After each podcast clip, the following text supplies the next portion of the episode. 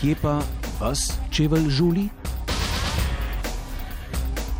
Razkrivamo izkoriščanje tujih delavcev v znanem podjetju iz Ajdovščine. Za katero podjetje gre in ostale podrobnosti bo zdaj pojasnil Gora Strečnik, ki v studiu gosti Gora Nalukiča iz Migranske svetovalnice. Eh, dober dan. Najprej nekaj osnovnih podatkov. Podjetje Inkom iz Ajdovščine proizvaja sladoled Leone in tudi trgovske znamke sladoledov. Prihodki družbe skokovito rastejo. Lani so dosegli 35 milijonov evrov. Eh, podjetje je v lasti Andreja Slokarja po menedžerjevi lestvici 64. najbogatejšega slovence. Njegovo premoženje naj bi se letos povečalo za kar 44 odstotkov. Lani se je podvojilo. Največji slovenski sladoledar naj bi imel pod palcem več kot 22 milijonov evrov. Eh, Goran Lukič, zavidljiva rast, se strinjate? Ja, lepo zdrav vsem poslušalcem, poslušalkam. Eh, ja, lahko se sam pridružim eh, tej traditvi, da je to zavidljiva rast. Seveda pa se potem eh, lahko tudi vprašamo, vprašamo eh, torej na osnovi čega eh, pač nekako je ta številka nastala, ampak mislim, da bomo nadaljevanje kaj več to povedali. Eh, moram povedati, da sem gospoda Slokarja oziroma vodstvo podjetja Inkom povabil v vodajo, vendar so se odločili, odločili, da ne bodo dali niti izjave. Eh, prosili so le za korektno poročanje. Oddaja ne bo le korektna, ampak še več kot to, ker je uživo, lahko še vedno pokličejo na telefonsko številko nič 1 475 2202 in se neposredno vključijo v pogovor. Eh, vabljeni tudi poslušalke in poslušalci v režiji bodo zabeležili vaše vprašanja ali pripombe povezane s konkretnim primerom. Eh, zdaj pa k bistvu problema. V podjetju Inkom delajo številni bolgarski in makedonski delavci. Po informacijah migranske svetovalnice naj bi v podjetju kršili njihove delavske in socialne pravice, zato smo se odpravili v Ajdoščino, da bi preverili razmere. Nekateri delavci, s katerimi sem se pogovarjal, so se bali dati izjavo, nekaj pa jih je pristalo na pogovor pod pogojem, da jim spremenimo glas.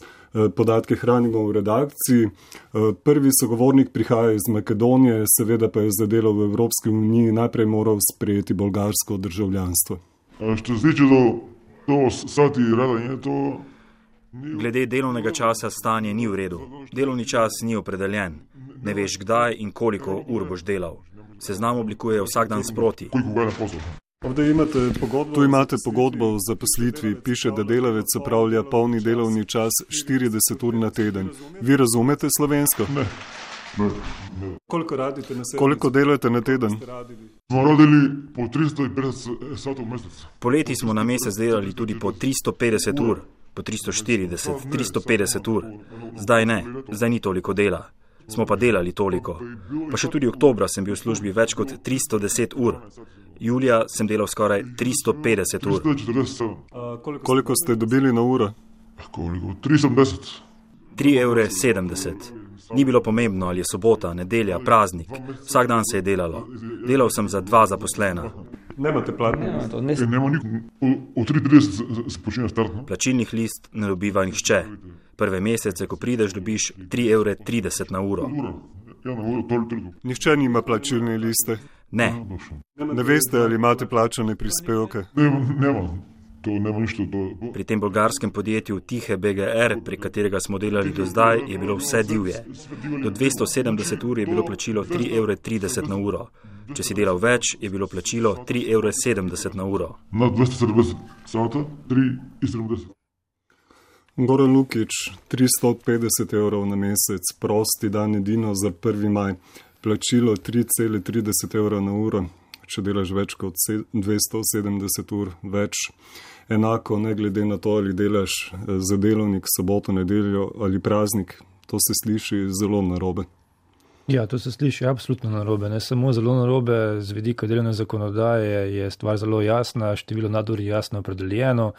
eh, 170 oziroma največ 230 eh, nadur na leto, ne na mesec. eh, In mislim, da tukaj lahko govorimo glede na izjave delavcev, eh, ki smo jih lahko vsi slišali, eh, da to nažalost ni več zgolj podnarekovaj eh, izkoriščanje, eh, čisto eh, izjemno močno izkoriščanje eh, glede delovnega časa, ampak je to preraslo očitno v neke vrste, spet moramo temu reči, poslovni model, ki zelo, zelo koristi nekomu. E, to, kar je alarmantno, je recimo lestvica samega števila upravljenih ur.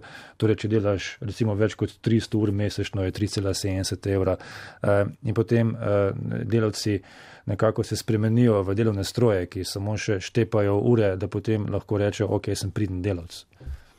Delavci pravijo, da te urne postavke niso zapisane, vodstvo jih je predstavilo ustno, verjetno zato, ker se zavedajo, da gre za kršitev zakonodaje.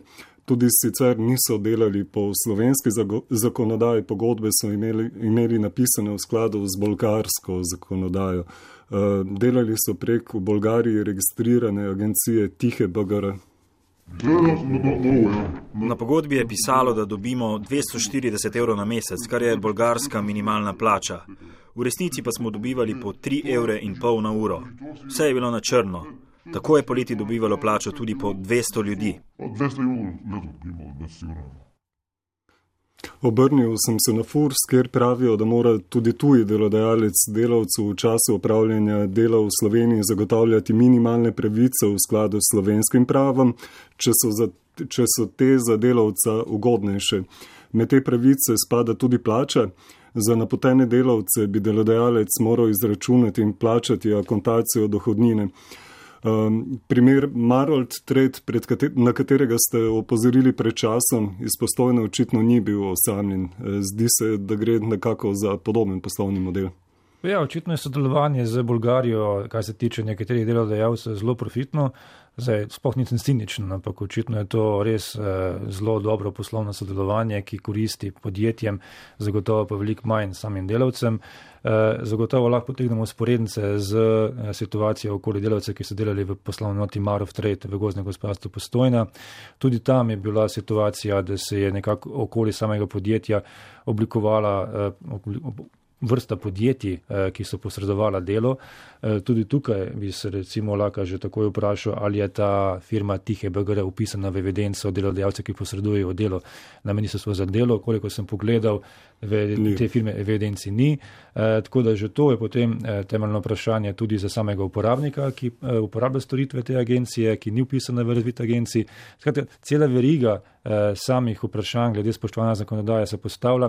In pa še eno zelo pomembno vprašanje, eh, ali so potem takim ti delavci, ki so bili napoteni iz tihe BGR, iz bolgarske firme, tudi pravno napoteni delavci eh, iz te firme, ki delajo tukaj eh, v tem podjetju, recimo Inkom. V tem primeru bi rabili dobiti strani delodajalca, torej A1 obrazec, so dokumentacijo ustrezno in pa na koncu koncev vsak delavec, ki dela v Sloveniji, se mora spoštovati slovenska delovna zakonodaja. In uh, spomnimo se primera iz Žita pred parimi leti, ko je uh, bila ponujena delavcem, ki so delali preko ene agencije, slovaška uh, plača 327 evrov, kakšen je takrat bil halo, čisto pravičen. Tukaj imam pa spet ponavljanje zgodbe preko te agencije, oziroma sploh neko ne rečem, podjetje, agencije. Ne Uveljavljen poslovni model, očitno. Ne? Tako. Eh, po nekaterih informacijah naj bi s tujimi delavci v Ajdovščini s tem, ko jim niso obračunavali davko in prispevkov po slovenski zakonodaji, prihranili več kot 2 milijona evrov. Eh, to niso preverjene informacije, zato podjetje pozivam, še vedno lahko pokliče in jih demantira. Obrnil sem se tudi na inšpektorat za delo, ta je od leta 2012 v podjetju Inkom ugotovil več kršitev glede plačila za delo, delovnega časa, odmorov in počitkov. Kljub elementov delovnega razmerja so ljudje delali na podlagi pogodb civilnega prava, to je le nekaj kršitev.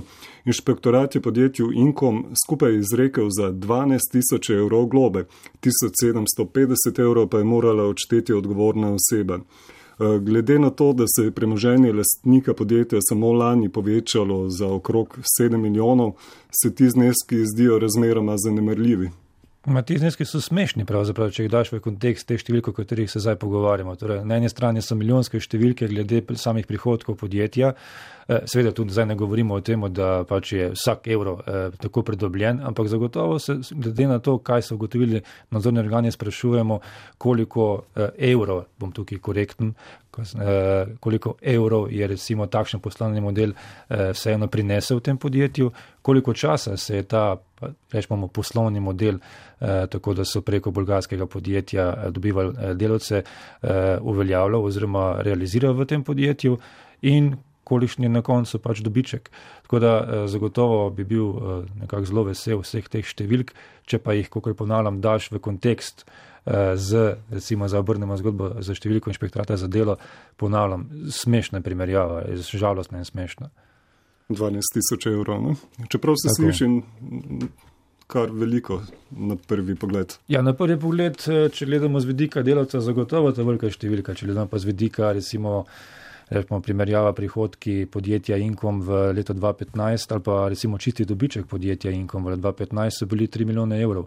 Eh, v, v tej luči pa spet ne morem drugo praviti kot to besedo, smešno. No, inšpektorat je delodajalcu izdal tudi več upravnih odločb in odredil odpravo nepravilnosti. Pred enim letom je prepovedal upravljanje delovnega procesa z delavci podjetja Tihe BGR. E, to podjetje Inkomo zagotavlja delavce iz Bolgarije, vendar so potem sledile pritožbe in tožbe, tako da postopek še teče. Sama družba Tihe BGR se izogiba nadzoru, kar je toliko lažje, ker je ustanovljena v tujini. Inšpektorat je prepovedal upravljanje delovnega procesa in zagotavljanje delavcev v podjetju Inkom, vendar zaradi pritožbe tudi ta postopek še vedno teče. Eh, no, podjetje je delavce zdaj le, podjetje je delavce zdaj le preneslo na novo podjetje, to se imenuje Kadri Sonja, na čelu katerega pa je žena eh, enega od vodilnih v podjetju Tihe BGR Mitje Prelce. Eh, tudi on se je odločil, da ne bo dajal izjav, me pa je v telefonskem razgovoru povabil na sladoled, ponudil mi je informacije o neki drugi agenciji, ki naj bi po njegovih besedah bila še veliko hujša, naj bi še huje kršila zakonodajo. Eh, tak sladoled sem zavrnil, saj se mi vabilo ni zdelo higienično, ampak vprašanje je na mestu. Zakaj podjetja pri nas tako brez skrbi izkoriščajo tujo, tujo delovno silo? Očitno ne gre za majhen obseg. Ja, zagotovo ne gre za majhen obseg, ampak eh, dejstvo je, da količina pa sam obseg kršitev narašča z na drugi strani obsegom oziroma neobsegom nadzora. Torej, če damo to resimo formulo na teren, povemo lahko zelo konkretno, če ni nadzora, potem se izkoriščanje spremeni v poslovni model. In majkrat nadzora, več bo nadur, več bo tega, več bo takih podjetij, ki bodo to, uh, delala kalkulacijo in bodo rekla, na eni strani imam možnost zaslužiti milijone, na drugi imam pa morebitno, če pride inšpektor, odgovornost, da plačam nekajkoli 12-15 tisoč evrov max.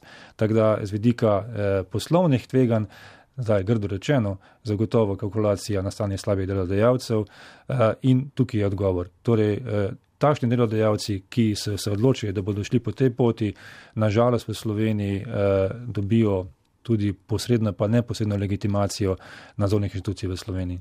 No, eh, v podjetju Inkom so letos bili tudi kriminalisti. Po naših informacijah so preiskali poslovne prostore, opravili tudi nekaj hišnih preiskav. Eh, preiskave strani policije še ni zaključena, zato nam predstavnik za odnose z javnostmi policijske uprave Nova, Gori, Nova Gorica, Dejan Božnik, konkretnih podatkov glede upletenih ni mogel dati, je pa povedal tole. No, glede na vaša uh, novinarska vprašanja, vam lahko v tem trenutku potrdimo, da policisti Novogoriške policijske uprave uh, v letu 2015 niso izvajali hišnih preiskav uh, glede problematike posredovanja tuje delovne sile v slovenska podjetja. Eh, smo pa v letošnjem letu oziroma v mesecu uh, maju uh, so tako policisti kot kriminalisti policijskih uprav Nova Gorica in Koper, torej na moču obeh omenjenih policijskih uprav v sklopu predkazanskega postopka opravili skupno 14 hišnih preiskav zasebnih in poslovnih prostorov zaradi suma kršitve temeljnih pravic delavcev. Eh, ter eh, drugi kaznjivi dejanj, kot je zaposlovanje na črno eh, in sumov kaznjivih dejanj ponarejanja listin in povzročitve stečaja z goljofijo ali nevestnim poslovanjem. Koliko oseb pa je bilo osumljenih kaznjivih dejanj? No, kaznjivih dejanj je osumljenih pet fizičnih oseb, tako z območja Novogoriške, kot tudi z območja Koperske policijske uprave poleg tega tudi dve pravni osebi oziroma gospodarski eh, družbi in sicer ena slovenska ter ena tuja. Gre z, z območja vzhodne eh, Evrope. Poleg tega pa so oškodovanci tuji državljani, ki so bili preko tuje agencije napoteni na delo v, eh, v slovensko podjetje. Ste podali kakšne kazenske ovadbe? Eh, zoper osumljene je bila v mesecu avgustu letošnjega leta na Novogoriško okrožno državno tožilstvo podana kazanska ovadba zaradi utemeljenega suma storitve 70 kaznjivih dejanj. In sicer, kot sem že predhodno dejal, gre za kršitve temeljnih pravic delavcev po 196. členu kazenskega zakonika, gre za kaznivo dejanje za poslovanje na črno, ponarejanje listi in ter kaznivega dejanja pranje denarja. Eh, preiskava strani policije eh, lahko vam potrdimo, da še ni zaključena, se bodo pač policisti eh, in kriminalisti po dokončani preučitvi zasežene dokumentacije ter elektronskih podatkov zoper osumljene prostornemu novogoriškemu državnemu tožilstvu podali poročila v dopolnitev kazanske ovadbe in sicer zaradi utemeljenih sumov storitve še več kaznjivih dejanj. Um, to govori o tem, da gre za obsežne kršitve, tuje delovne sile je očitno poceni in priročne. Uh, Goran Lukič, očitno so za razliko glob kazenske vadbe le prinesle določene premike v podjetju. Uh, Tihe BDR ne deluje več. Ja, preneslo je to, da se je zdaj poslovni model nekako malce bolj približal slovenske zakonodaji, da se je podjetje bolgarsko THBGR umaknilo in da ga je nadomestila kadrovska agencija Kadri Sonja, ki kolikor vem je upisana v razvita agencija za posredovanje dela. Uh, mislim, da je upis v poslovni registr bil v začetku junija letošnjega leta.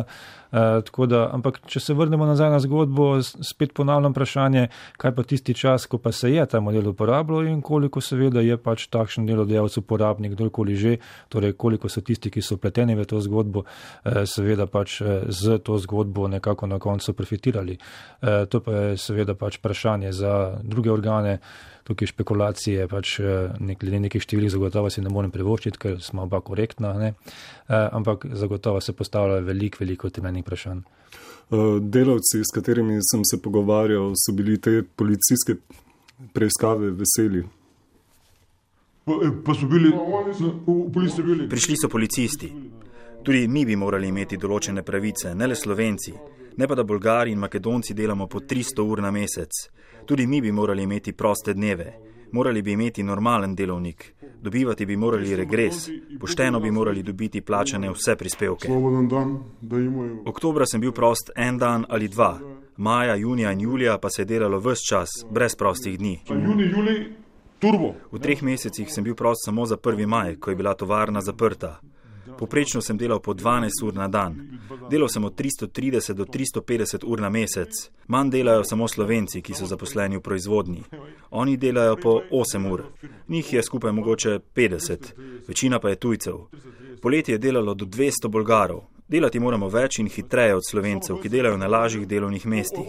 Naša proizvodna linija je nastavljena na večjo hitrost. Po zimi se proda manj sladoleda in tudi dela je manj. Zdaj je minilo že pol meseca in nimam narejenih še niti 30 ur. Ne vem, koliko bom zdaj dobil izplačano. Sliši se kot idealne delovne sile. Ko tuje delavce prek agencije izkoristiš res do konca, ko ni dela, pa jih prepustiš na gotovosti.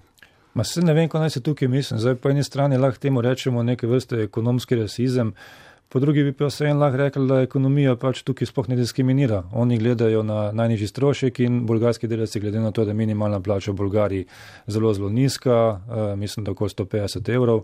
Uh, potem gledajo, na kakšen način bodo takšen model, torej bolgarske minimalne plače, vozili v Slovenijo. Eh, zagotovo pa posledično, eh, kar vidimo, je, eh, koliko tudi same nadzorne organe ugotavljajo, gre za zelo utemeljene sume vrste kršitev delovne zakonodaje, socialne zakonodaje. In to, kar je grozljivo, je, kje se bo to končalo. Torej, danes, recimo, so bolgarski delavci, jutri, mislim, se sploh ne več govorilo o državljanstvu, ampak samo še o ceni dela. To že zdaj se govori. Torej, jaz moram tukaj podarjati, da kolikorkoli se to sliši, pa kot mi, oni, ampak na koncu, če se tukaj kaj ne bo naredilo ustreznega, nadzor, ustrezno nadzorovalo in tudi zakonodajo ustrezno spremenilo, da bo eh, odvračilna, ne samo kurativna, eh, potem bomo vsi mi postali bolgarski delavci, eh, ki delajo po 300 plus ur na mesec. Ti ljudje zdaj živijo na različnih lokacijah. V neki hiši v kraju Slab pri Vipavi so nas delavci povabili noter. Razmere so na prvi pogled res slabe, tudi vi ste bili tam. Ja, res je. Uh, zdaj, na prvi tis uh, bi rekel, kole. Mislim, da sem že videl predvsej samskih domov, sem že videl predvsej torej, teh uh, domov, v katerih živijo oziroma so živeli delavci imigranti. Uh, zagotovo lahko rečem, da si lahko vsak, vsakdo misli pač o teh pogojih življenjskih bivalnih, niso ravno optimalni. Uh, ko se pa na, koncu koncev pač imaš možnost vseh teh recimo pogovarjati z delavci imigranti, veliko krat rečejo, ja, jaz sem tukaj prišel uh, zaslužiti in potem nekako že vnaprej sprejmejo uh, vse te pogoje, vnaprej potem reče, jaz sem tukaj zato, da delam, torej da sem delovni stroj, kar ni opravičenje, seveda zato, da se jih potem matematsko samoumevno tako tudi jemlje, razume in na koncu izkorišča. To zagotovo ni opravičilo. Delavci so nastanjeni tudi v samskem domu uh, Marcu v Ajdovščini. Uh, sistem obveščanja tam očitno deluje zelo hitro. Ja, izjemno hitro. Eh, zdaj, eh, stvar je tašna, da ko smo eh, pač prišli tja pač pogledati same delavce, ko smo dobili informacijo, da tam nekateri delavci iz tega, iz tega podjetja živijo, mislim, da je minilo, ne vem, pol ure največ. Eh, ko je oseba, ki se je predstavila kot predstavnik lastnika, eh, prihromela v sobo, eh, kjer smo bili z delavci in začela spraševati, kdo smo mi, kdo je ta nevladna organizacija, ki se potika po pač tem domu. Kasneje sem potem tudi sam dobil klic od lastnika te nepremičnine in mi je zelo nam neko korektno, ampak zelo konkretno eh, povedal, da se zavedam, da pač eh, sem eh, ne, stopil v privatno lastnino, da eh, bo se posvetoval z pravno službo svojo o morebitnih kazenskih ovadbah. Skratka, zelo zanimiva zgodba, no, da po eni strani eh, imaš eh, celo verigo izkoriščanja delavcev, po drugi pa tako izjemen odziv. Eh, recimo v tem primeru tega lastnika nepremičnine, ko smo samo hoteli poprašati o teh pogojih. Eh, moram povedati, pač, da ko smo bili tam, eh, delavci niso bili ravno zgovorni, ampak je bil pa zagotovo zelo zgovoren lastnik nepremičnine. Očitno jim prepovedujejo stike z ljudmi, skrivajo informacije. Nekaj ljudi sem samo ujel na poti iz dela v Inkomu. Naslednja sogovornica je povedala, da imajo zdaj, odkar delajo prek podjetja Kadri Sonja, pogodbe samo v slovenskem jeziku. Uh, ne razumem ničesar. Delamo zelo težko in moramo biti zelo hitri. Če potrebuješ kratek odmor, ga ne moreš vzeti. Odmor imamo le takrat, ko dovoli šef. Pripadalo naj bi nam deset minut odmora na dve uri, vendar ga nimamo vedno. Tukaj, kjer smo nastanjeni, ni dobro, čeprav hodim sem samo spat. Smo kot roboti. Delamo in spimo, delamo in spimo. Nič drugega. Razmere za bivanje so slabe, veliko nas živi skupaj. Kuhinja in kopalnica nista čisti, sobe so slabe, okno je zelo majhno. Na mesec moram za ležišče v zelo majhni sobi, ki si jo deliva dva človeka, plačevati po 70 evrov. Hudo je, izkoriščajo me. Delati je treba izjemno hitro, težko je. Dela se veliko ur, plačilo pa ni temu primerno, a drugega mi ne preostane. Čeprav sem doštudirala v svoji državi, ne dobim nobene zaposlitve. Delam lahko največ za 100-200 evrov na mesec. Tukaj je plačilo boljše, to da delati moramo po 12 ur in to zelo, zelo hitro. Šef mi je rekel, če ne zmoreš, pa pojdi nazaj domov. Adijo. Ako ne može, ne može, adijo. Takšen je torej odnos, no medtem smo. Um, prejeli tudi vprašanje poslušalca. Pravi, nismo samo makedonski in bolgarski ljudje, ki delajo za 3 evre na uro. Tudi slovenci so prisiljeni delati za ta denar. Zaradi konkurence tujih delavcev so pritiski na naše delavce strani delodajalcev še večji. No, ravno o tem govorim. Ravno to je tista zgodba, ki jo uh, tudi sam vedno znova vnaprej izpostavljam da tukaj ne govorimo o državljanstvih delavcev, tukaj govorimo o enotnem modelu izkoriščanja strani delodajalcev. In je zlahka tukaj v, v bistvu prenesti eh, samo odgovornost potem na delavca iz tujine, ki je prišel sem delati, da zasluži, da zasluži več, da zasluži ustrezno, čež da on potem krade zaposlitev domačim delavcem. E, moramo se biti tukaj na jasnem e, in to še enkrat podarjam. Če se v bistvu danes to dogaja tujim delavcem, se zagotovo hkrati tudi dogaja torej vse večjim domačim delavcem, na koncu se bo pa to dogajalo vsem. Torej, ni vprašanje, eh, ne samo tega trenutka, tudi za naprej, torej, eh, zakaj pa tukaj mora biti ne ščitite recimo slovenskega delovca. Vprašanje je, zakaj se sploh ta tako imenovani poslovni model dovoli.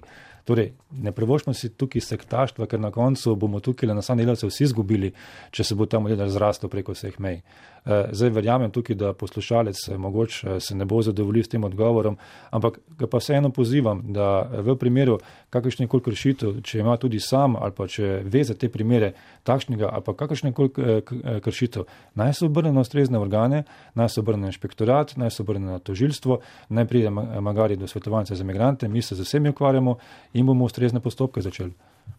Uh, sami ste na neuzdržne razmere delavcev imigrantov opozarjali še pred izbruhom finančne krize leta 2008, zdaj so gospodarski kazalci spet dobri, izkoriščanje pa se še kar nadaljuje. Kaj je narobe? Je problem v zakonodaji, nadzoru? Ja, zakaj, se ne, zakaj se pa ne bi nadaljevalo, če pa je tako profitno?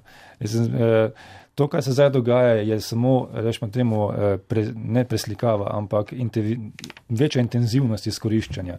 E, tisto, kar hočem povedati, je naslednje. E, pred samo gospodarsko krizo so bili večji poslovni, e, poslovne strukture, večje grabene firme, e, ko same vemo, kaj se z njimi zgodilo in potem je iz njih nastala vrsta majhnih podjetij, majhnih podjetnikov, ki so iskali svoj prostor pod soncem in so ga pač nažalost našli v takšnih in drugačnih poslovnih modelih. In dosti se jih je preimenovalo, preoblikovalo v kvazi agencije, ki zagotavljajo delo rečemo, drugim poslovnim strukturam. In evo ga, evidenčno, evidenčno je, da imamo zdaj takšno situacijo, kjer se je to do te mere razraslo, da govorimo pač o biznisu. E, vse to je nastajalo z leti in nažalost je to nastajalo z leti ob drobnogledu, ob nadzoru Slovenije. Razmere tudi v podjetju Inkom bomo na valu 202 spremljali še naprej. Goran Lukič, najlepša hvala. Hvala vam. Kje pa vas čevelj žuli?